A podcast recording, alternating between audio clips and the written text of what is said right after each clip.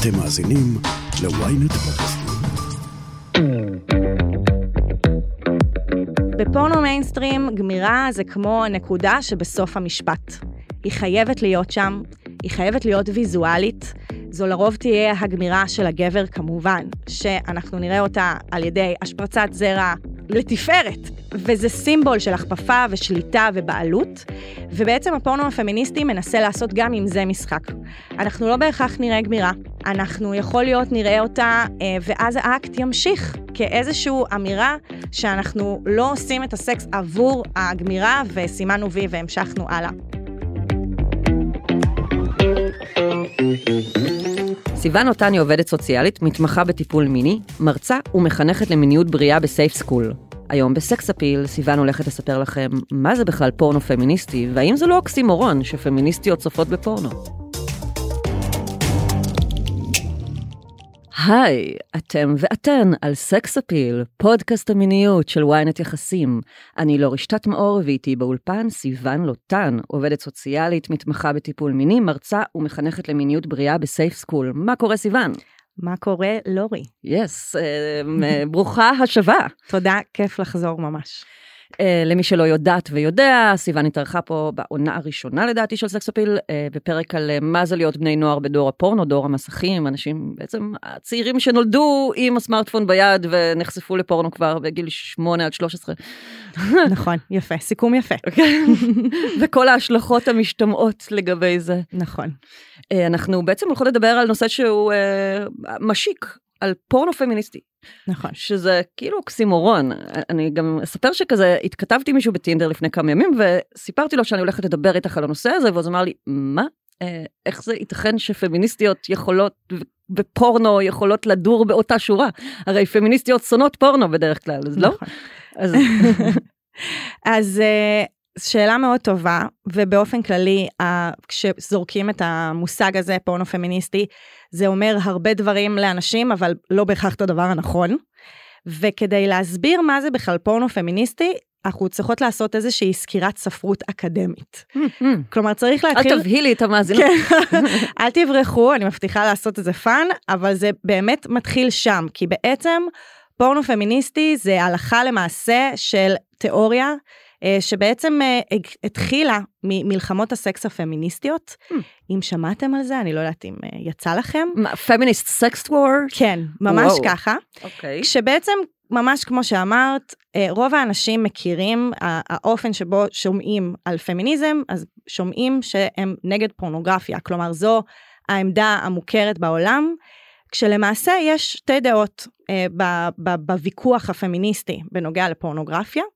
כשהמחנה, יש את המחנה האנטי פורנוגרפי והמחנה האנטי אנטי פורנוגרפי, הממ. או בשמו השני sex positive, שזה אולי קצת יותר מוכר לכם, או pro sex.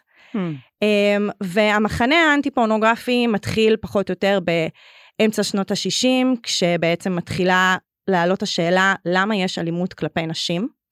אה, ו... אה, יחד עם ההתעוררות המינית של הסיקסטיז, אז יש גם פתאום אה, קריאה פמיניסטית אה, לבדק בית כזה של מה קורה? לגמרי, גם יש איזושהי התקדמות במאבק לזכויותיהן של נשים.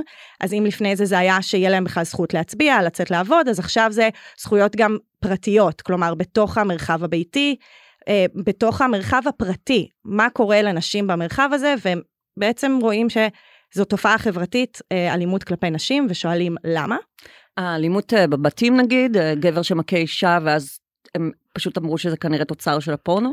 אז כן, אז הם, הם חיפשו מה המשמעויות, כאילו למה זה קורה כשמצאו את המדיה כאחת האשמות המרכזיות, ובתוכה ספציפית גם את הפורנוגרפיה, כשהם אמרו שבעצם הייצוגים שאנחנו נחשפים אליהם בפורנוגרפיה, הם מבנים את יחסי הכוח בין גברים לנשים, ומחברתים בעצם את, ה, את האופן שבו אנחנו מסתכלים על מיניות, שמה שמגרה אותנו זה יחסי הכוח, הפגיעה, הכפיפות של הנשים לגברים, זה הדבר שבעצם מחרמן אותנו, וזה הדבר שאנחנו מחפשים אותו, וזה הדבר שאנחנו ממשיכים לייצר ומחקים אותו גם. מי היו כזה הקולות הבולטות? בולטים בולטות בתחום? בולטות. כן. אז uh, יש קודם כל את קתרין מקינון, שהיא הייתה עורכת דין, והיא גם פעלה בתוך המרחבים uh, בעצם הפוליטיים כדי לעצור את ייצור הפורנוגרפיה. You're experiencing the enactment of an abuse. You're witnessing it. I mean, that's what I experience when I see pornography. A woman is being hurt here. She's being violated. She's being used. והיה את דבורקין, שהיא הייתה זונה לשעבר, ופעלה בעצם לזכויות נשים, והם פעלו ביחד במרחבים האלה, הם פנו אל מול השיח הליברלי. הם בעצם אמרו, אתם טוענים שפורנוגרפיה זה חופש הביטוי? לא. זה פוגע בזכויות אדם, ואנחנו בעצם מוכיחות באיזה אופן זה פוגע. והן אומרות שבעצם יש שלושה נזקים, אני פורטת אותם, כי אחרי זה אני אסביר גם איך אה, מתווכחים איתם אה, דרך ה... או מנסים לענות עליהם okay. אוקיי. בפורנו הפמיניסטי. אז יש בעצם את הנזק בתהליך הייצור, שזה בעצם אנשים שמשתתפים והם נפגעים מעצם ההשתתפות שלהם בפורנוגרפיה, גם שלא שומרים על הזכויות שלהם, גם שהבחירה שלהם היא לא בחירה טהורה במרכאות, כלומר יש איזושהי הסללה להגיע לשם, הישרדות, הרבה פעמים מצב כלכלי. לזה מתקשרים בטח כל המחקרים ועדויות על אנשים שהם נפגעו מינית בילדות למשל, בדיוק. ואז הם התגלגלו לזה לעבודת מין, או אה, שחקנים ושחקניות שאחרי מספר אה, סרטים שהם השתתפו בהם, הם אה, התלוננו על ניצול מסוים שהם עברו. בדיוק. Mm-hmm. כלומר, הם בעצם אומרות, התעשייה עצמה, עצם זה שקוראים לה תעשייה, מסמן לנו כאן שהיא מנצלת, כי היא פועלת במסות. הן אומרות גם שיש נזק בתהליך ההפצה. כי ברגע שבעצם האקט צולם, והאקט הוא כמו שאמרנו לא בהכרח היה מבחירה, ועכשיו כל פעם שאנחנו צופים בו אנחנו משחזרים אקט שלא קרה מבחירה, כלומר הן טוענות שזה איזשהו אה, שחזור של האונס שוב ושוב ושוב. כן, טוענים את זה הרבה פעמים על סרטונים שמופצים כזה בטלגרם למשל, נכון. ואז מי שצופה בהם מואשם בסוג של אונס שני כזה בעצם. בדיוק, תחשבי שהם טענו את זה בסוף שנות ה-60, ואיזה משמעויות יש לזה היום בשנת 2022. מטורף.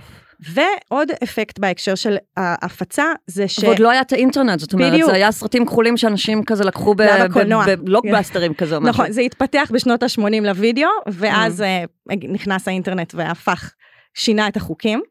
Um, ובעצם הן אומרות שאחד הדברים הבעייתיים בהפצה זה שאין לי שליטה על התוכן, ושבעצם אני לא יכולה להתחרט בשום שלב. שזה גם, זה משהו מאוד משמעותי, כי יכול להיות שבאותו רגע היה לי טוב כשעשיתי את זה, והיום אני מסתכלת אחורה ואני לא רוצה שזה יהיה בחוץ, ונלקחת ממני בעצם היכולת אה, לקחת את זה חזרה.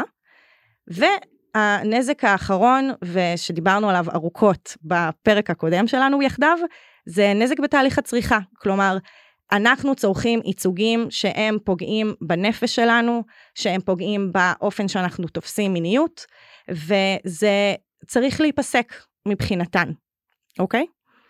ואז קמות אה, בעצם כמה שנים לאחר מכן, בעצם קם המחנה האנטי-אנטי פורנוגרפי. בשנות ה-80 בעצם. כן, אה, בתחילת שנות ה-80, והן בעצם אומרות אל מול הטענה האנטי פורנוגרפית, כלומר זה, זה ויכוח פנימי, אוקיי? זה לא, הם לא יוצאות החוצה אל המחנה הליברלי כמו בעצם שאמרנו. בעצם בחוגי מגדר למיניהם כזה באקדמיה? כן, הרבה פעמים, אגב, יש לי מחשבה שכל השיח האקדמי הוא של נשים, בגלל שנשים אין להם הרשאה להתעסק במיניות, והאקדמיה נותנת להם איזושהי הרשאה להתעסק במיניות ספציפית בפורנוגרפיה, כאילו אני בתור חוקרת אה, פורנוגרפיה מרגישה הרשאה להתעסק בזה ולהסתכל ולחקור ו...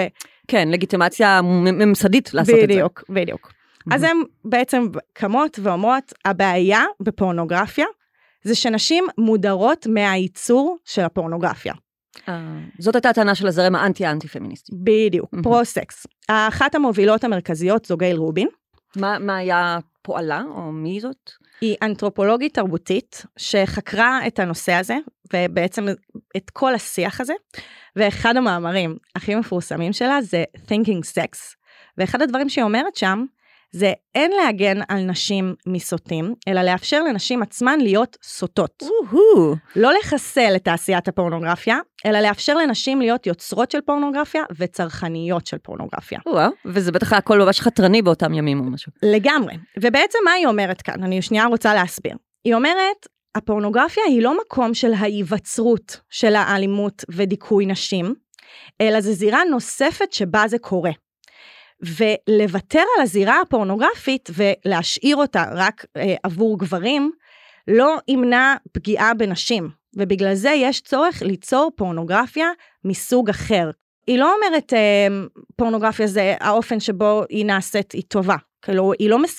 היא לא בעד פורנוגרפיה, היא מבינה את המנגנונים, את הכוחות הכלכליים והפטריארכים שפועלים שם, אבל היא אומרת, אם אני עכשיו רק אנסה להשמיד את הפורנוגרפיה, אני בעצם דרך זה מנסה למשטר מה זה מיניות בחברה שלנו, והיא אומרת, בוא ניקח את הפלטפורמה הזאתי וניצוק בתוכה בעצם תכנים אחרים, עם איזשהו מבט גם אופטימי, שאנחנו יכולים לשנות את החברה וללמד מיניות מיטיבה יותר, מתקשרת יותר, כלומר... מתוך הנחה שבין אם נרצה בכך או לא, פורנוגרפיה זה המקום שבו אנשים לומדים איך להתנהל במיניות שלהם. אז, אז כאילו, לא ממקום של לומדים, אלא ממקום שמאז שחר הימים אנחנו תמיד מתעסקים במיניות, וזה תמיד מעניין אותנו לראות ייצוגים של מיניות, ואני חושבת שדיברתי על זה גם בפרק הקודם, שגם ביוון העתיקה פיסלו פסלים וציירו ציורים, ואנחנו תמיד נעשה את זה. זה טוב, תמיד באנו מסקס, אז בדיוק. כזה, אנחנו כל הזמן שואפים לחזור לזה או משהו. בדיוק, זה, זה הליבידו שלנו, זה האנרגיה שלשם היא הולכת,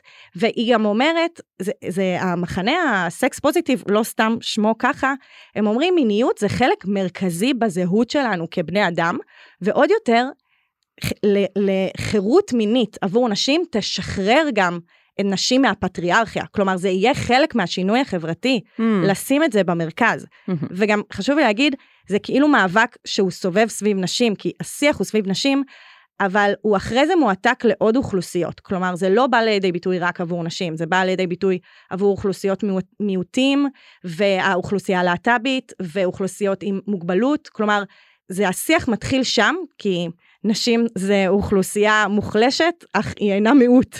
לא, לא סתם אה, לא מיעוט, אנחנו 51 אחוזים, כך טוענים. זאת אומרת, אנחנו אפילו הרוב. בדיוק. אבל, אה, כן. אז, אז הן נאבקות כאן איזשהו מאבק שאחרי זה משרת עוד אוכלוסיות.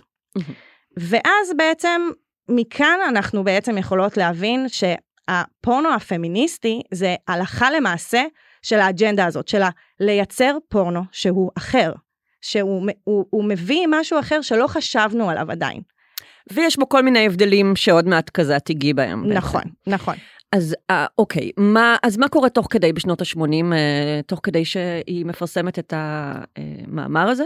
בעצם בשנות ה-80, כאילו יש את הוויכוח הזה, הוויכוח הזה מועתק גם בשנות ה-90 ושנות ה-2000, כשיש שיח שהוא פחות אה, בהקשר רק של אלימות, אלא גם בהקשר של קפיטליזם ואיזה מנוע מניע בעצם את התעשייה הזאתי. במקביל מתחילים לייצר ייצוגים שהם שונים. אה, אחת האנשים הראשונות שמייצרות בעצם פורנו פמיניסטי זאת אני ספרינקל. Big thing in our culture that sex has gotten very hardcore and it's infiltrated fashion and and I'm all for all kinds of porn but I'm missing some of the more soft edges like from the heart. היום היא דוקטור לחינוך מיני, hmm. אה, ובעבר, אה, היא נולדה ב-1954, בעבר היא הייתה אה, שחקנית פורנו, זונה, אמנית מיצג ומחנכת למיניות, והיא יצרה בעצם סרטי פורנו חתרניים וחינוכיים, ואחד הדברים שהיא אומרת, The answer to bad porn isn't no porn, it's to try and make better porn. וזה ממש משמעותי, כי בעצם כאן מתחיל השינוי וכאן מתחילים לייצר ייצוגים שהם שונים. אבל חשוב לי להגיד, כשאנשים שומעים את המושג פורנו פמיניסטי, הרבה פעמים הם חושבים שזה פורנו לנשים, פורנו של לסביות, פורנו אמ, אירוטיקה, פורנו רך, כלומר, זה, זה המחשבות, זה הסטיגמה. תכף ממשיכים, הודעה קצרה וחוזרים. Ynet פלוס החדש עם הסיפורים הכי מעניינים ומיטב הכותבים. חודש ראשון בחמישה שקלים ותשעים בלבד. למצטרפים חדשים כפוף לתנאי השימוש.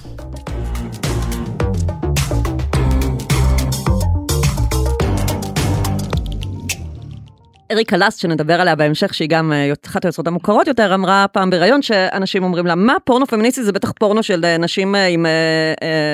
נשים שרוצות לזיין גברים עם שפם ושערות בכל הגוף, וכזה לסביות כועסות. זה באמת יכול להישמע ככה. ואריקה לאסט עצמה אמרה לגבי פורנו פמיניסטי זה שהסקס מלוכלך, אבל הערכים נקיים. ואנחנו, ו- ועכשיו אנחנו קצת נפרק את זה ונבין מה המשמעות של זה, במה אנחנו יכולים בעצם לראות. דברי אליי. אוקיי, אז דבר ראשון, אני אגיד, אני אתייחס לכל מיני בעצם אלמנטים, אה, שכל אחד בהם מנפרד, אנחנו נוכל לראות בפורנו מיינסטרים. אבל כאן יש איזשהו מכלול. אז בוא נסתכל על זה רגע, כאילו נפרוט את זה, אבל נבין והאלמנטים שזה... האלה חייבים להתקיים בשביל שזה ייחשב לפורנו פמיניסטי בעצם. כן, אני מאמינה שאת יודעת, לא אחד, אחד, אחד, אחד, אבל כן בואו נבין את התמונה הרחבה ואיזה ניסיון יש בתוך בעצם הפורנו הפמיניסטי. לייצר ייצוגים שהם שונים. מהמם. אז בואו נתחיל אה, מהמילה שבטח נאמרת הכי הרבה בפודקאסט אה, סקס אפיל, חדירה. היום אה, דווקא מנסות אה, להגיד כניסה לנרתיק, שזה יותר. יפה. חד משמעית. אני אוהבת להשתמש במילה הזאת כי אני חושבת שהיא סימבול שעליו אנחנו עושות את השינוי הפוליטי, אוקיי? אז בעיקרון חדירה זה כמו אה, מרכז העלילה בפורנו מיינסטרים, זה נמצא שם אה, סביב זה, זה הקלוז-אפ הוא על זה, אה, זה הדבר המרכזי ביותר שקורה, וזה מה שאנחנו נראה, את, ה- את ה humping. אה, אני עושה קולות, שומעים?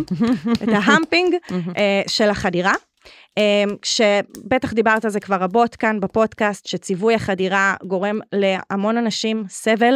בטח. גם בפרק שהקלטנו ביחד דיברנו על בעיות אה, מיניות שגברים או נערים יכולים לחוות בגלל ההשפעה הזאת של הפורנו. והמחשבה שהם חייבים לתפקד כל הזמן. לגמרי. אז גם המחשבה שצריך לתפקד, וגם המחשבה שזה סקס וחייבים לעשות אותו, ובאופן כללי לשים לעצמנו מטרות בסקס, מאוד לוקח את המשחקיות והכיף מהסקס, וגורם לנו להיות מאוד ביצועיסטים, נכון. ואז הגוף פחות מתפקד. נכון, וגם אה, נשים שלא יכולות, למשל בגלל כאב בנרתיק, וכשהן צופות בפורנו הן מרגישות שהן אולי פגומות, שמשהו לא בסדר, כי הן בטוחות שזה הסקס היחיד שיש. ב- בדיוק.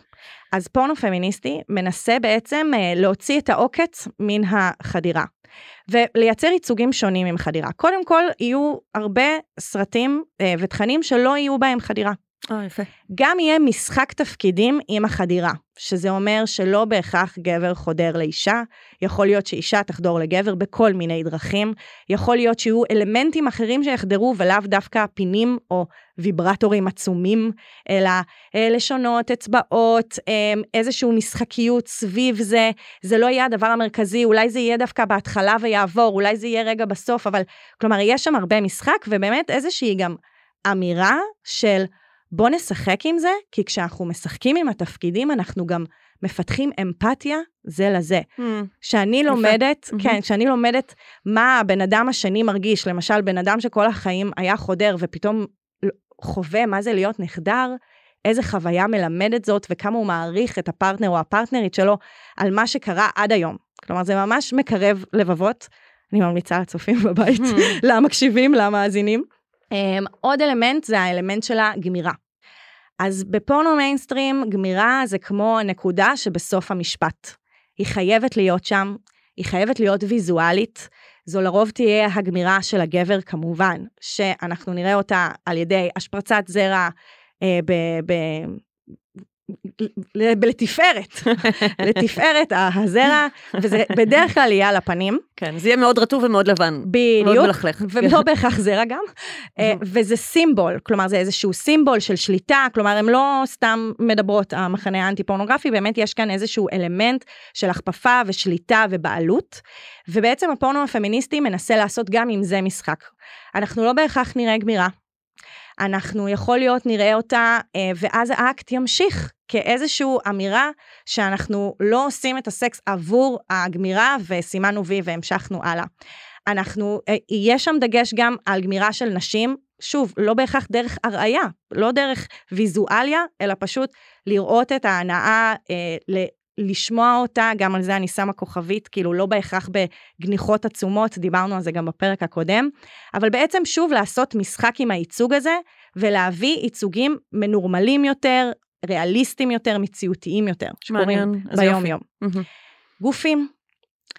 אז פורנו מיינסטרים מלא בגופים שהם מאוד אה, מכותבים, מעוצבים, מהונדסים, מנותחים, אה, ומייצרים בעצם איזשהו פער באופן שבו אנחנו תופסים את הגוף שלנו. אחידים גם, אחידים. אחידים זו מילה מצוינת לתאר את זה, ממש. אה, גם אה, לא בהכרח מחוברים לבני אדם, אנחנו הרבה פעמים נראה פשוט איברים ללא הקשר של מי הבן אדם ש...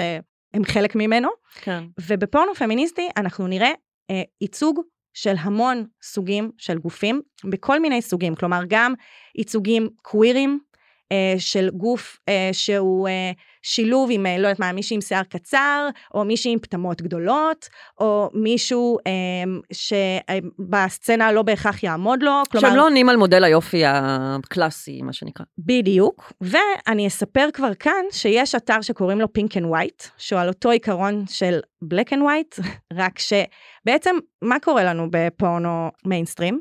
אנחנו לפעמים מחפשים סרטונים בצורה מאוד, אה, אני אגיד את זה במרכאות גזענית, מאוד ספציפית, אה, ומחפיצים בעצם, כי אנחנו מחפשים black woman, או uh, Asian man, או whatever, ואז אנחנו בעצם לא מסתכלים על הבן אדם, אלא אנחנו מסתכלים על אלמנט בתוכו שאליו כביכול אנחנו נמשכים. כן, זה המהות של קינק, אני חושבת. כן. כאילו, או, או פטיש, פטישיזציה יותר מדויק. בדיוק, בדיוק. ואז כאן פה בעצם הם אומרים בוא נרחיב, ההפך, בוא נרחיב את, את האנשים והייצוגים אליהם אנחנו יכולים להימשך. כי, בואי נחשוב על זה רגע, כשאנחנו רואים אדם על כיסא גלגלים, ואנחנו מניחים אוטומטית שהוא לא רוצה זוגיות והוא לא רוצה מיניות, אנחנו עושים אפליה, פשוט אפליה. ואנחנו לא נותנים לו, זה אגב מה ששנים נשים סובלות ממנו, כן? שמסתכלים עליהם ואוטומטית לא מניחים שהן מיניות, שהן אה, רוצות כן, מיניות. כן, כן, כן. ובעצם, כמו הקדושה קדשה. או בדיוק. מהמם. אז, ואז כאן בעצם הם אומרים, אוקיי, בוא, אתם תבחרו את התנוחה, אנחנו נגריל את מי שמשתתף שם.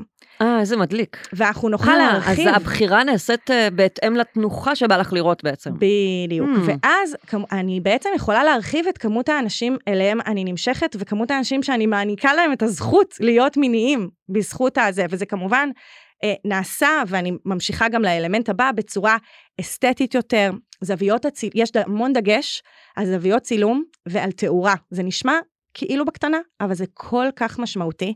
שהסרטון שאנחנו נראה, הווידאו שאנחנו נראה, זה לא כזה תאורה גניקולוגית אה, שמאוד נכנסת בזום ואנחנו לא מבינים פה את ההקשר. הרבה פעמים האופן שבו הצילום יהיה זה ש... א', יצלמו את כל מה שקורה, את, את האווירה בחדר, את האנשים שנוגעים.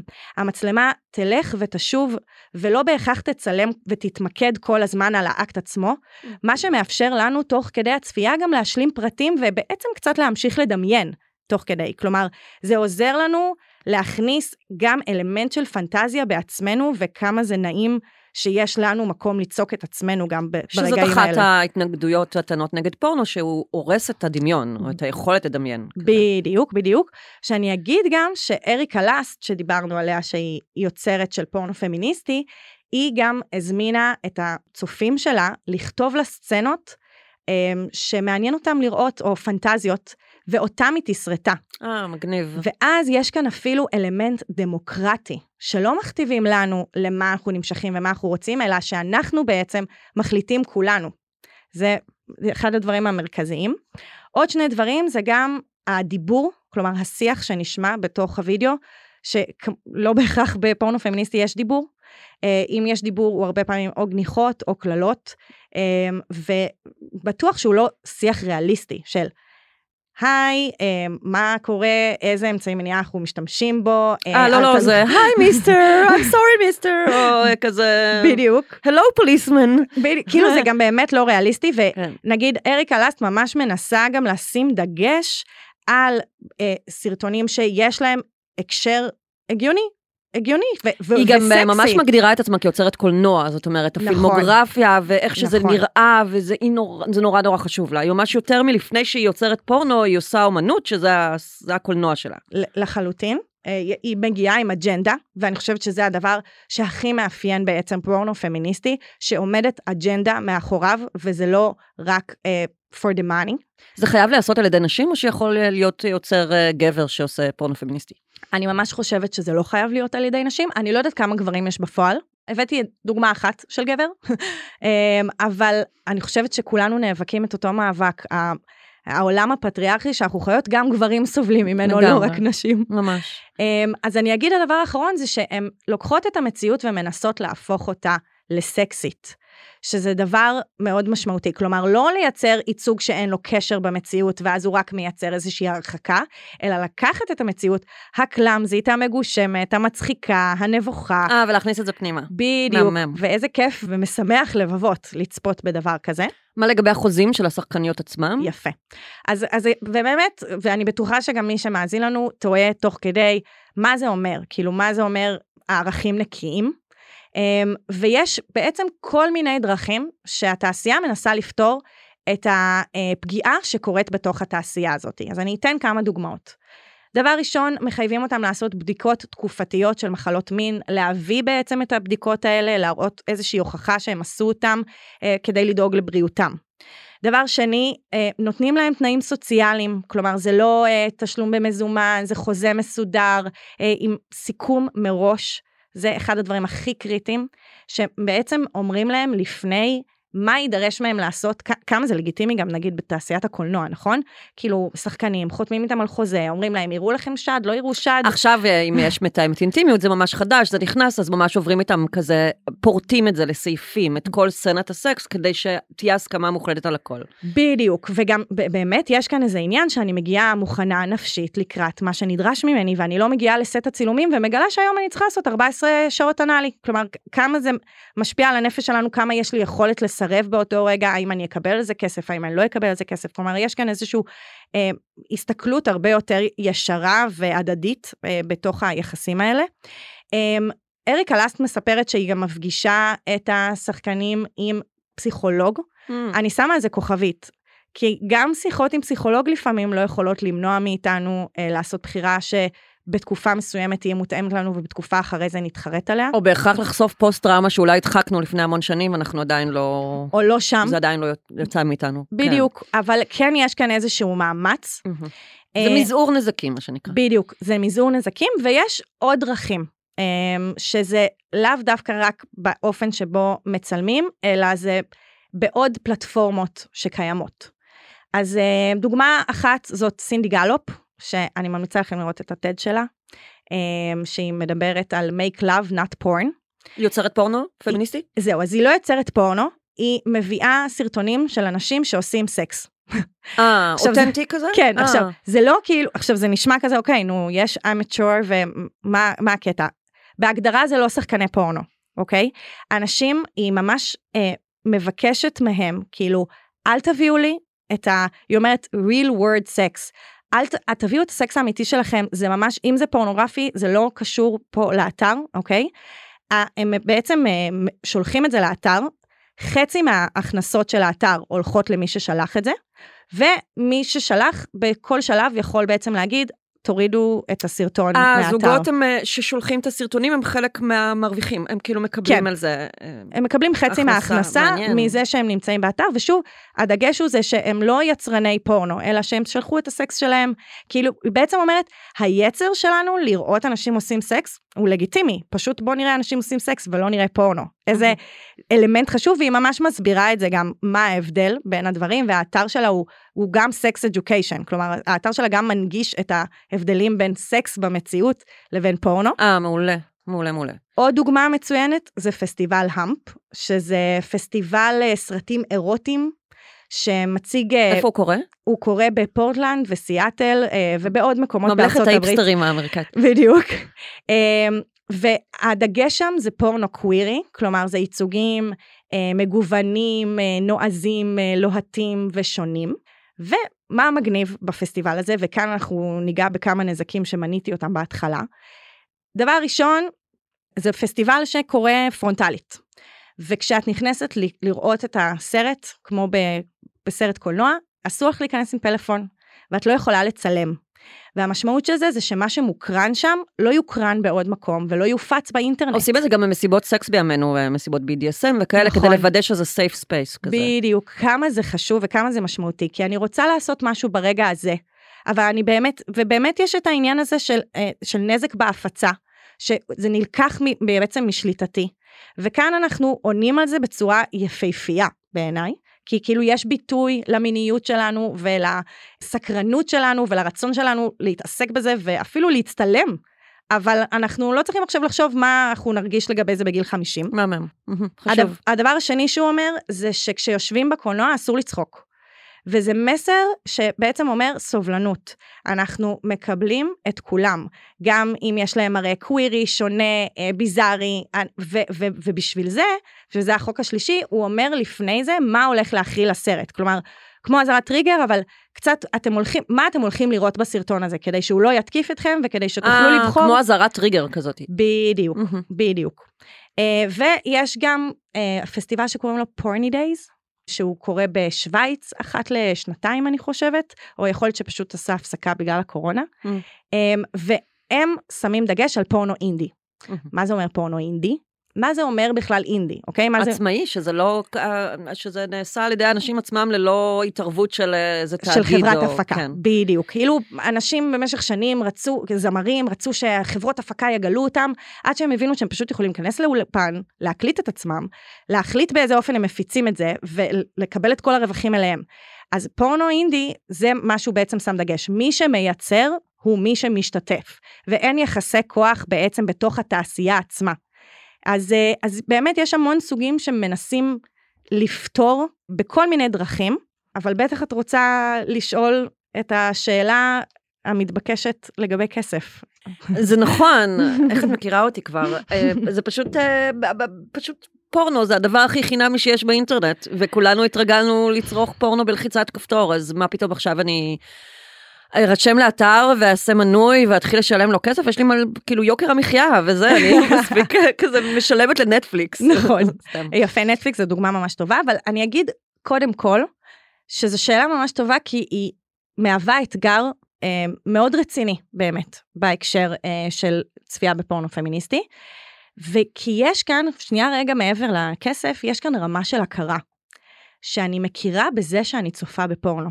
אנשים הם לא באמת בקשר עם עצמם לגבי זה שהם צופים בפורנו, יש שם, יש רמות הכחשה עולמיות, אוניברסליות, אה, שנמדדו במחקרים? כאילו? שנמצאות בכל מקום, כלומר זה מאוד ברור שכולם עושים את זה במחשכים, אה, אבל אוקיי. לא מודים בזה כן. ולא מדברים על זה. אה, ברור, את פותחת גם מלכתחילה את החלון הסודי כזה, את לגלישה, האינקוגניטו. את האינקוגניטו, בואי, בדיוק. גוגל אה, עשו את זה גם שזה יהיה כל כך נוח, זה נפתח בקלות, זה נסגר בקלות, את מוחקת את זה תוך שנייה. אה, ואז בעצם, קודם כל יש כאן איזושהי רמה של הכרה. אני צופה בפורנו, אני רוצה לצפות בפורנו. שלב הראשון בתהליך. ואז יש את העניין באמת של לשלם. ואני חושבת שהיום, כשאנחנו נמצאים בעולם אה, שאנחנו מוצפים במידע, ואנחנו באמת, המון מהמידע הוא שקרי, הוא לא נכון, הוא לא מהימן והוא לא תקף, חלק מהאופן שבו נוכל לדאוג לעצמנו ול-well-being שלנו, זה לשלם על התוכן הזה, וככה לדאוג גם לאיכות שלו. באופן כללי את אומרת? או על פורנו? אני כאילו, חושבת, זאת לא, קריאה באופן- לעידוד צפייה בפורנו? לא. זה קריאה, לא, אה. זה קריאה לעידוד שאנחנו צריכים להיות צרכנים חכמים, Mm. ושאנחנו צריכים, ושזה לא בושה לשלם על תכנים שאנחנו מאמינים בהם, ושאנחנו רוצים גם לתמוך בהם. כי זה שאני משלמת על זה, אני בעצם גם תורמת לזה שגם אני פחות נפגעת, כמו שדיברנו על נזקי הצריכה, וגם המשתתפים פחות נפגעים, כי זה נזקי הייצור וההפצה. כן, כן, כן, כן, כן. וגם את ממזערת אה, בייחוד את המצבים, נראה לי, הכי נוראים בפורנו, זה לצפות חס וחלילה בפורנו שהוא סרטון של נכון. אונס או משהו שהודלף לרשת. ממש, שזה ממש. הדבר, זה באמת הדברים הכי מזעזעים. כאילו, יש הבדל, לא יודעת, מוסרית בין אדם שבחר להשתתף בסרט ואני צופה בו, לבין אדם שהדליפו פשוט מין שהוא קיים, או מין שעשו לו, שלא ברצון, לא בהסכמתו ומרצונו החופשי והופץ לרשת. זה- לגמרי, ואני חושבת שזה אפילו מתחיל בחוויה של להיכנס לאתר פורנו מיינסטרים, לעומת חוויה של להיכנס לאתר שהוא פורנו פמיניסטי. כשאני נכנסת לאתר פורנו מיינסטרים, באמת סרטונים מתקיפים אותי, סרטונים שלא בהכרח הייתי בוחרת לצפות בהם, נגיד לעומת הדוגמה שנתתי על Hump, שהוא ממש אומר לנו מה אנחנו הולכים לראות ואנחנו יכולים לבחור. Mm. כלומר, יש כאן מהמם. ממש אה, תהליך שונה, והוא לוקח יותר זמן. הוא דורש מאיתנו יותר מאמץ, הוא דורש מאיתנו יותר הפעלת ביקורת. זה קצת כמו שאנחנו הולכים עכשיו לסופר ואכפת לנו ממה שאנחנו מכניסים לגוף שלנו, אז אנחנו נסתכל ברשימת מרכיבים ונראה מה מרכיב את האוכל הזה, ולא פשוט נקנה אותו כי העטיפה ממש יפה. אז, כן. אז, אז זה בעצם איזשהו, זה צרכנות נבונה שיש לה השלכות על הנפש שלנו. מעולה, מעולה. זה, לא חשבתי על זה. אה, נגיד אני, אה, אוקיי, שמעתי את הפודקאסט, אני רוצה לבדוק כזה אתרי פורנו פמיניסטי. איך אני יכולה לדעת שהאתר שכתוב בו פמיניסט פורן זה אכן פמיניסט פורן? כי נראה לי שגם ביו פורן או בפורנהאב יש, יש. כזאת קטגוריה של צודקת. פמיניסט פורן. את צודקת, והרבה פעמים שמעתי אנשים שאומרים לי, אחרי ההרצאה שלי, אוקיי, אנחנו ראינו משהו, וזה ממש לא פורנו פמיניסטי. Mm. כאילו זה היה כתוב, עכשיו אני מבין או מבינה שזה ממש לא היה זה. אז דבר ראשון, זה, אם זה בחינם, זה כבר, תשימו על זה סימן שאלה. אה, דבר שני, אתם יכולים א', לחפש את האלמנטים שעכשיו אמרתי עליהם, אתר של פורנו פמיניסטי ירצה לדבר על האלמנטים האלה ולציין אותם, ואתם תוכלו גם לקרוא על מי שהמייצר, כאילו היצרן והעבודה שנעשית, כלומר כל האתרים שאני סיפרתי עכשיו זה מלמידה שלי, דרכם גם. וגם אני רוצה להמליץ על אתר שקוראים לו Feminist Porn Guide, אוקיי. והוא מאגד כמה אתרים, אה, אני בטוחה שלא את כולם, אבל הוא מאגד כמה אתרים, ואני יכולה גם לשלוח לך כמה לינקים. מדריך ראשוני כזה. מדריך אוקיי, סבבה. שפשוט שם את כל הלינקים של מלא אתרים, אה, גם של, גם של אריקה לאסט ו- ו- ושל עוד ושל פורנו קווירי ושל, ובעצם עושה קצת את העבודה בשבילנו, כאילו סוג של עושה את התו תקן הזה, מהמם, ובודק בשבילנו. מהמם. אז, אז יש דרך לעשות את זה, אמ, אבל זה דורש עבודה וזה דורש איזושהי, איזשהו מאמץ, ששוב מאוד קשורה להכרה שלנו בזה שאנחנו רוצים לצפות בתוכן. ומה יעשו בני נוער שלא יכולים לשלם נגיד, אבל הם כן, זה מה שהם צורכים, פורנו, כאילו. זו שאלה מצוינת, כי נורא חשוב לי גם להגיד, אני מחנכת למיניות בריאה, אני מתעסקת עם אה, נוער רוב הזמן, כלומר, זה מה שאני, זה, זו העבודה המרכזית שלי. אני חושבת שבני נוער צריכים להכיר את המיניות שלהם בלי מתווכים בכלל.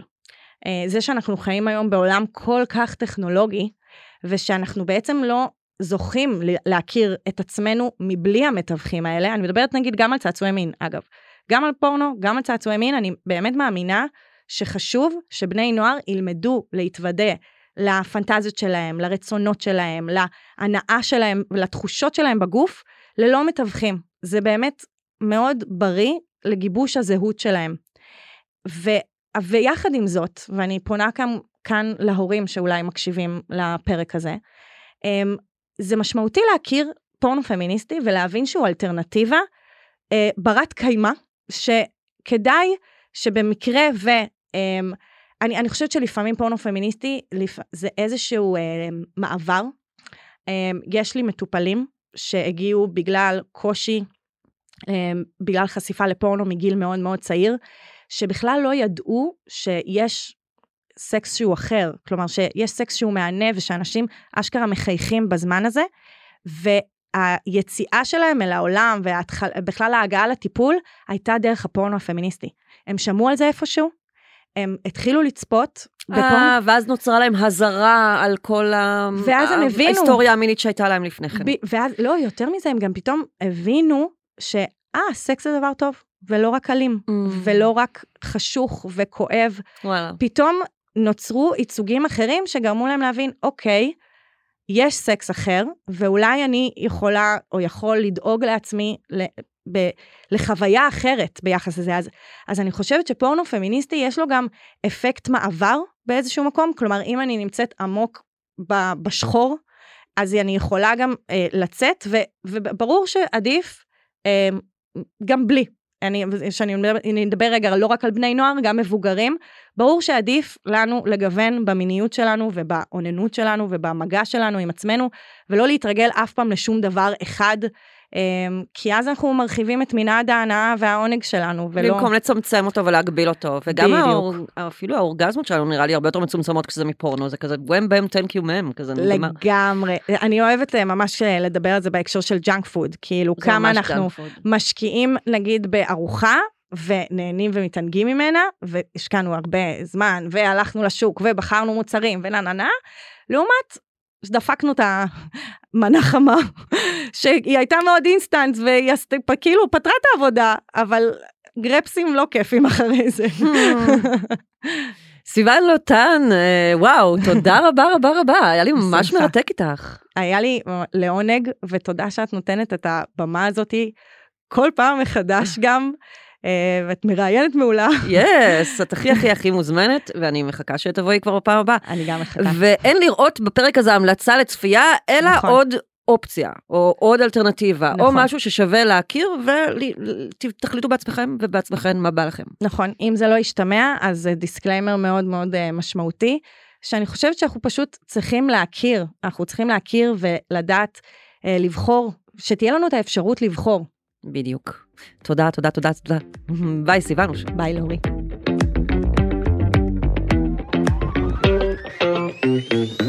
עד כאן סקס אפיל.